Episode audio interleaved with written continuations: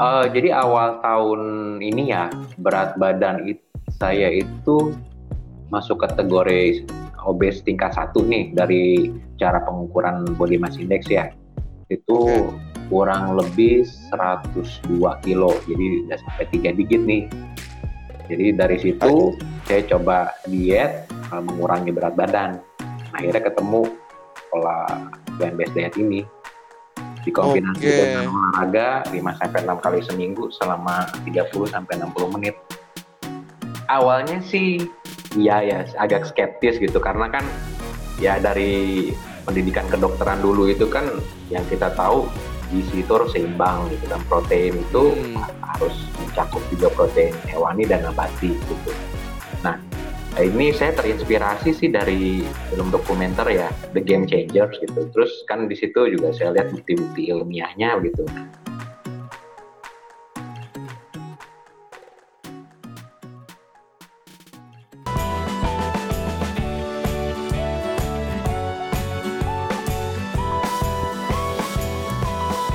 Hai, gue Willy Yonas.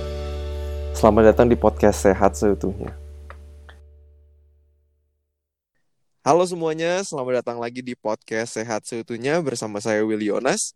Di episode podcast kali ini kita bakal ngobrol nih sama seorang dokter spesialis bedah yang akhirnya dapat membalikan kondisi kesehatannya sendiri yang ternyata sudah pernah masuk ke kategori obesitas tetapi bisa menurunkan berat badannya dengan plant-based diet.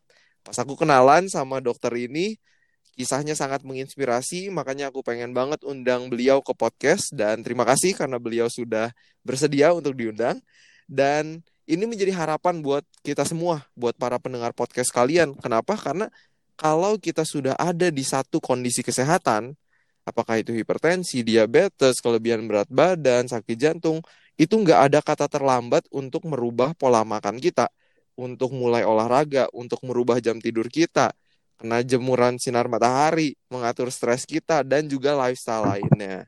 Dan dokter yang menjadi bintang tamu hari ini, beliau dulunya mengambil kedokteran umum dari Trisakti di Jakarta, udah gitu lanjut spesialis bedahnya juga di Samratulangi Manado. Jadi tanpa menunda-nunda lagi, saya mau welcome Dr. Rudi Haryanto Susilo SPB. Halo dokter. Halo, halo semuanya. Halo pendengar podcast seutuhnya. Apa Gimana, kabar dok? semuanya? Sehat, Dok? Sehat, luar biasa. Luar biasa. Ini ini lagi di rumah sakit juga nih, Dok?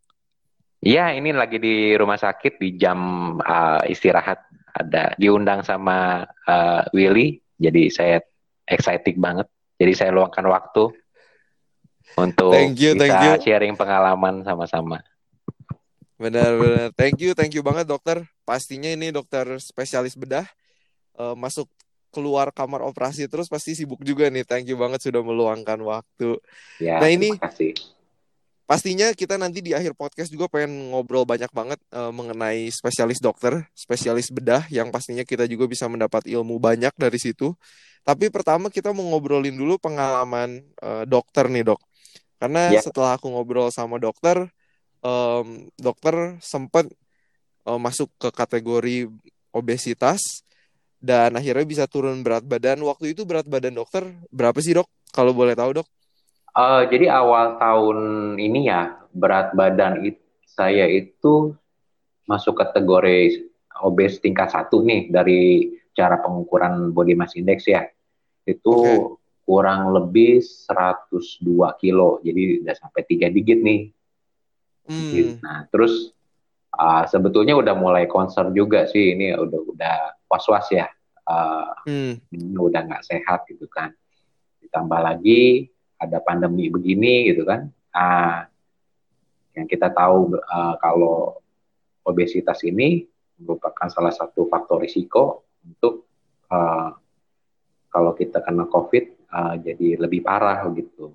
Hmm. Jadi dari situ saya coba diet uh, mengurangi berat badan dan akhirnya ketemu pola plant based diet ini dikombinasi okay. dengan olahraga 5 sampai 6 kali seminggu selama 30 sampai 60 menit. Gitu, Will. Wih. Mantap, luar biasa, Dok. Ya. Dok kalau boleh tahu tuh eh BMI-nya berapa tuh, Dok? Angkanya? Kalau berat badan kan 102, BMI-nya udah kena berapa tuh, Dok? 34 ya kalau nggak salah ya. Tinggi saya kan 175. Oke. Ah, ah, saya lupa tuh udah berapa. Cuma kemarin yang terakhir sih udah turun ya, udah sampai 29 nih. Kalau nggak salah Wow. apa? Lupa saya. Jadi udah turun 5 poin di BMI ya? Ya. Sudah itu turun. Udah, itu udah Sekarang kategorinya sudah overweight sih. Tadinya nice. kategorinya obes tingkat satu, sekarang sudah turun jadi overweight. Belum belum belum sampai ideal ya. Masih proses ini. On the way, on the way. Mantap, Oh, Dok. Oke, iya. Semangat, semangat terus. Dan itu eh, menarik kalau sekarang nih, Dok, eh, udah masuk kategori overweight. Sekarang berat badan dari 102 udah jadi berapa, Dok? Nah, sekarang 90 kilo. Jadi lebih kurang Nice. udah 12 kilo ya turunnya ya. Wow. Dan itu udah kerasa banget gak tuh, Dok? Maksudnya kayak badan lebih enak untuk bergerak. Pasti eh, apa atau- dikombinasi sama olahraga ya. Jadi kan apa Hmm. badan juga lebih eh, bugar, lebih energik. Hmm, nice, nice, nice. Nah, penasaran nih dok, Eh, dokter kan akhirnya dari awal tahun ini ya, mulai eh, setelah eh, ya faktor resiko COVID-19 juga adalah eh, kelebihan berat badan dan gimana sih dok akhirnya sampai dokter tuh bisa ketemu plant-based diet dan akhirnya mau nyoba apakah pas pertama denger plant-based diet tuh kayak skeptis nggak sih dok kayak ini saya bakal dapat cukup protein gak ya atau kayak gimana tuh dok? Awalnya sih iya ya agak skeptis gitu karena kan ya dari pendidikan kedokteran dulu itu kan yang kita tahu gizi itu harus seimbang gitu kan protein itu Hmm. harus mencakup juga protein hewani dan nabati gitu. Nah ini saya terinspirasi sih dari film dokumenter ya. Oh, boleh disebut nggak ini? Boleh, boleh, boleh. Boleh ya, eh, The Game Changers gitu. Terus kan di situ juga saya lihat bukti-bukti ilmiahnya gitu. Nah, saya coba Hmm. dan amazingnya ya cocok sih buat saya. Oke. Hmm. Jadi pas habis nonton Game Changers karena di Game Changers kayaknya kan eh, citation study-nya itu semua di quote kan, di Ya. ada referensinya ditulis gitu. Terus saya juga Menarik. tambah self research juga sih sendiri, cari-cari jurnal-jurnal, terus ya apa bahan-bahan ilmiah lainnya gitu. Sebelum Oke. sebelum mulai ini. Jadi emang ya pasti dokter kan udah di-train di sekolah kedokteran dan lain-lain untuk membaca jurnal langsung dari situ searching kali dok ya. Ya, betul. Wow, wow, nice, nice. Dan gimana tuh dok pas nyoba tuh? Eh, apakah ada kesulitan kayak misalnya keluarga eh, mau jadi ikutan plan base juga atau enggak? Jadi dokter berjuang sendiri atau gimana tuh dok? Untungnya sih eh, istri saya ketularan sama saya gitu. Jadi kita berdua Oke. sama-sama plan based diet dan eh, kebetulan juga saya ini kan eh, menderita intoleransi gluten ya. Jadi Oke. udah sejak lama itu memang saya jarang sekali makan di luar. Takutnya masakan di luar ada komponen gluten di dalamnya gitu. Jadi lebih banyak Hmm, makanan istri yang masak gitu, homemade gitu. Dan ya enaknya begini, eh, sama-sama jadi masaknya sekalian gitu. benar, benar, benar. Yang pasti Jadi kayak sehat ya karena makanan rumahan. Benar udah kebiasaan dimasakin karena ada gluten intoleran jadi mau transisi lebih gampang ya dok ya? Ya, jadi awalnya sih eh, sebelum menerapkan plant-based diet ini saya memang udah mulai ini ya mengurangi itu yang apa makanan-makanan proses ya karena kan biar bagaimanapun ada ya saya searching itu kan beberapa seperti sosis, ham itu ada beberapa yang ada komponen gluten di dalamnya gitu, ada trace-trace gluten di dalamnya. Jadi memang awalnya sudah mulai mencoba untuk sehat dengan mengkonsumsi whole food, makanan utuh, ditambah lagi Hmm. sekarang ya udah self searching dan lain-lain, ketemu pola makan plant based diet ini gitu. Dan Dan sangat terasa sekali sih efeknya. Jadi Will dulu itu saya kalau pagi eh, suka ada rinitis vasomotor. Jadi kalau pagi itu bersin-bersin gitu. oke. Nah ini ternyata udah dua bulan belakangan ini itu udah berkurang sekali, hampir enggak kayaknya. Wow. Ya, terus istri juga kan kalau mau uh, datang bulan ya mau haid itu suka nggak enak tuh. Sekarang Oh. juga dia udah udah bilang kok udah ini ya nggak kerasa tiba-tiba ya udah dapat aja gitu siklusnya. Wow. Biasanya sebelumnya udah nggak nyaman dulu kan badannya ada rasa tanda-tanda. Sekarang udah lebih enak. Hmm. Wow, wow, wow, itu keren banget sih. Jadi eh, bukan hanya mengalami turun berat badan, tapi bersin-bersin di pagi hari berkurang juga.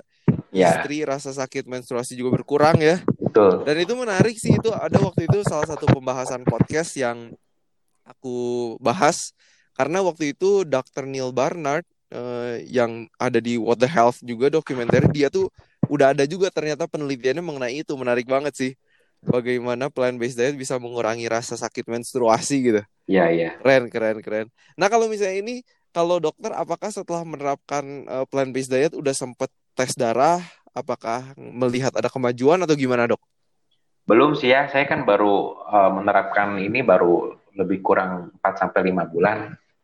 hmm. Jadi mungkin nanti uh, genapkan 6 bulan deh baru saya periksa.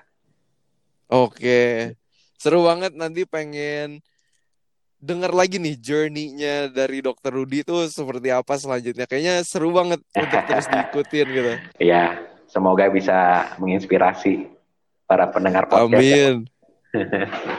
Eh, Dok, nah kalau pengen nanya nih dok, apakah dari dokter kecil itu apakah dokter memiliki kecenderungan untuk gemuk atau kenaikan berat badan itu pelan-pelan gitu naiknya dan secara nggak sadar eh tiba-tiba kok udah masuk kategori obes gitu. Ya, jadi gini, uh, dari kecil itu memang tubuh saya itu memiliki tipe metabolisme yang lambat gitu. Jadi kadang makan yang berlebih sedikit aja, berat badannya langsung naik. Kalau kata apa uh, leluconnya orang-orang itu baru lihat makanan aja berat badan makan berat badan gue udah naik satu kilo gitu. Uh, I see, I see. uh, memang agak gempal gitu ya. Uh, cuma waktu SMA saya sempat uh, ideal sih berat badan saya karena mungkin itu masa-masa remaja ya. Hmm. Saya banyak olahraga dan apa makan juga diatur gitu. Jadi sempat ideal waktu SMA. Nah, mulai kuliah pelan-pelan naik naik naik sampai sekarang bablas.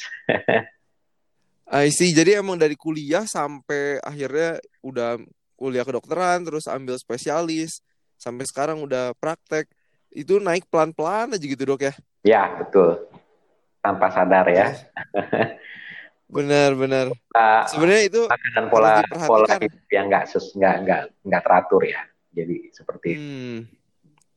Dan susah nggak tuh dok menerapkan hidup sehat ketika lagi di sekolah kedokteran dok? Eh, ya, agak agak sulit ya. Susah sih nggak, agak sulit. Karena gini, eh, waktu terutama waktu masa pendidikan residen bedah ya, pola makan saya itu nggak teratur. Jadi seringnya tuh makan cuma dua kali, tapi porsinya langsung banyak tuh. Dan Oke. biasanya sempat-sempatnya itu kan baru sore malam hari kan. Jadi begitu malam saya Hmm. makan langsung melampiaskan semua kecapean saya, ya kelapar saya gitu. Terus udah gitu juga Hmm. kalau waktu pendidikan itu kan sering dapat tugas shift malam ya, jadi sering begadang. Otomatis kan ya jam tidur nggak teratur, terus sering ngemil, ngemil-ngemil yang nggak sehat gitu. Hmm. Iya, ini yang memicu Menarik. berat badan yang drastis sih menurut saya. Benar-benar. Jadi eh, memang apa ya? Aku juga waktu itu ada teman-teman di eh, Amerika yang waktu itu mereka juga kuliah kedokteran dan mau ambil residensi gitu kan. Ya. Dan challenging banget gitu kayak kerjanya wah lebih dari lebih dari 40 jam pasti gitu kan. Jadi Ya. kayak wah 60 jam ada yang 80 wah ngeri-ngeri juga sih. Jadi Betul, itu sering loh dulu saya itu, eh, bisa 36 jam nggak tidur. wow, Mhm. wow. Ya cuma implikasinya kan saya jadi sering ngemil, makan biar nggak ngantuk kan. Betul, betul, betul. Jadi ini kita juga harus support nih para dokter yang lagi di pendidikan karena kan kita butuh dokter gitu pastinya. Ya. Jangan sampai mereka nanti sakit duluan lagi kan. Betul. Bener, bener, bener. Dan dok kalau dari pas lagi masa kuliah tuh sampai akhirnya kayak sekarang, eh, itu apakah dokter melakukan olahraga atau misalnya olahraga pun itu salah satu yang terabaikan dok? Kalau saya pribadi uh, jarang sekali ya waktu pendidikannya saya olahraga. Cuma waktu waktu sebelum uh, sekolah bedah, ambil residensi bedah, saya sempat sih uh, join di klub kebugaran. Sama waktu mulai sekolah nggak ada waktu ya, dan juga kadang pulang hmm. saya juga udah capek. Jadi terabaikan sih olahraga. Hmm, I see, I see. Dan sekarang nih dok, pas dokter awal tahun ini transisi ke plant based diet uh, sama istri itu dok. Yeah. Pas masak awal-awal cari menu, cari variasi itu bingung gak sih dok? Uh, enggak, enggak sih ya waktu awal-awal ya karena kan mungkin masih semangat tuh. Nah memang cuma hmm. belakangan ini mulai ada titik jenuh nih, mulai combine-combine cari-cari juga variasinya. Hmm. Uh, waktu awal-awal sih enggak karena di sebetulnya kita ini harus mensyukuri ya di negara kita ini yang tropis kan apa ke, keragaman nabati itu banyak sekali gitu kan. Hmm, betul betul betul. Ya, tinggal lebih kreatif sedikit cara cari cara untuk metode memasaknya aja mungkin ya. Benar. Ya. Betul betul betul banget. Jadi soal bumbu ya pakai herbs yang beda-beda kayaknya harus dieksplorasi ke situ juga kali ya. ya kebetulan sih istri saya uh, hobi memasak jadi dia apa uh, uh, apa uh, persediaan bumbu-bumbuan cukup lengkap lah. Mantap. Wah, itu harus disyukuri banget tuh, Dok. Bener-bener. Dan aku ini pengen tanya satu pertanyaan, Dok. Uh, aku nggak tahu kalau ini mungkin apakah agak sensitif atau enggak, tapi dokter yang sebagai seorang dokter gitu kan, uh, apakah merasa aneh atau janggal uh, karena memiliki kelebihan berat badan gitu? Sedangkan kayaknya kalau di perspektif masyarakat kan kayaknya, wah ini dokter harusnya yang tahu gitu. Itu merasa janggal nggak sih dok? Oh iya pasti, karena kan sejak kuliah kedokteran gitu ya dari pertama kita pendidikan dokter umum itu sudah diajarkan gitu loh bagaimana hidup sehat, bagaimana pola makan yang sehat, bagaimana pola tidur yang sehat, bagaimana harus ada aktivitas fisik gitu. Dan tugas dokter itu kan selain kuratif atau mengobati kan juga harus preventif ya dan promotif. Jadi hmm. ya agak-agak nggak enak juga sih kalau menyarankan ke pasien gitu. Hmm, I see, I see. Tapi pastinya sekarang karena dokter sudah bisa turun berat badan, ini juga pasti pasien-pasien juga bisa melihat ya dok ya. Dan ada pengalaman menarik nggak tuh dok? Ada pasien yang misalnya udah nanya, eh dok, misalnya turun berat badan ya atau gimana tuh dok? Ada nggak pengalaman kayak gitu? Kalau pasien nggak ada ya mungkin mereka sungkan. Cuma teman sejawat sama para medis yang lain ada sih yang bilang ada perubahan gitu loh di uh, badan saya. Nice. Dan itu pada jadi kepo nggak tuh dok? Kayak eh Rudi ngapain sih gitu kan? Ada uh, perawat kamar operasi saya kan tim kamar operasi saya itu sempat nanya, terus saya sih lihat di statusnya mereka, status WhatsAppnya, kayaknya mereka udah mulai-mulai juga ikutan ketularan sama saya. wow, nice, nice, nice, bener karena jadi kesehatan dan kehidupannya dokter Rudi kan jadi kayak apa ya, living story ya dok ya, yeah. buat orang-orang di sekitar dokter. Yeah. Dan Kira-kira berharap juga nggak tuh teman-teman sejawat akhirnya bisa plan based diet, bisa olahraga juga. Jadi semua sehat lah gitu dok. Ya berharapnya sih begitu. Ya sekarang juga kalau yang teman-teman deket sih saya sudah promote sih, saya promosikan bahwa apa metode plan based diet ini bukan cuma untuk penurunan berat badan gitu kan. Ya jujur aja hmm. sebetulnya awalnya juga saya uh, menerapkan plan based diet ini bukannya untuk penurunan berat badan sih Will jadi awal uh. saya uh, lebih fokus untuk uh, meningkatkan asupan vitamin sama antioksidan saya gitu loh. Karena kan di era pandemi begini itu krusial banget ya. Hmm, betul. Ternyata bonusnya kok berat badan saya turun gitu. Wow, nice, nice, nice. Emang selalu satu kalimat yang aku selalu dengar dari dokter plant based gitu di Amerika, plant based diet ini harusnya uh, satu macam pola makan atau pola, satu pola makan satu diet yang untuk semua macam uh, masalah gitu apakah untuk diabetes apakah untuk sakit jantung apakah untuk penurunan berat badan jadi keren banget sih yeah. satu pola makan bisa target banyak hal gitu kan betul betul menarik menarik menarik dan Dok, sekarang kalau boleh cerita sedikit, gimana sih kesibukan dokter sebagai dokter spesialis bedah dan apa yang dokter lakukan supaya tetap bisa hidup sehat di tengah kesibukan, Dok? Yang pasti ya menjaga pola makan yang seimbang ya. Ya kalau saya sebagai plant based diet ya harus saya harus hitung kebutuhan kalori saya, kebutuhan protein, kebutuhan karbohidrat, lemak nggak bisa diabaikan. Hmm. Dan pasti harus olahraga ya. Karena ya olahraga kan menaikkan daya tahan tubuh kita. Terlebih di era pandemi begini nih kan. Hmm. kita ini datang langsung ke markasnya kan di rumah sakit itu kan banyak.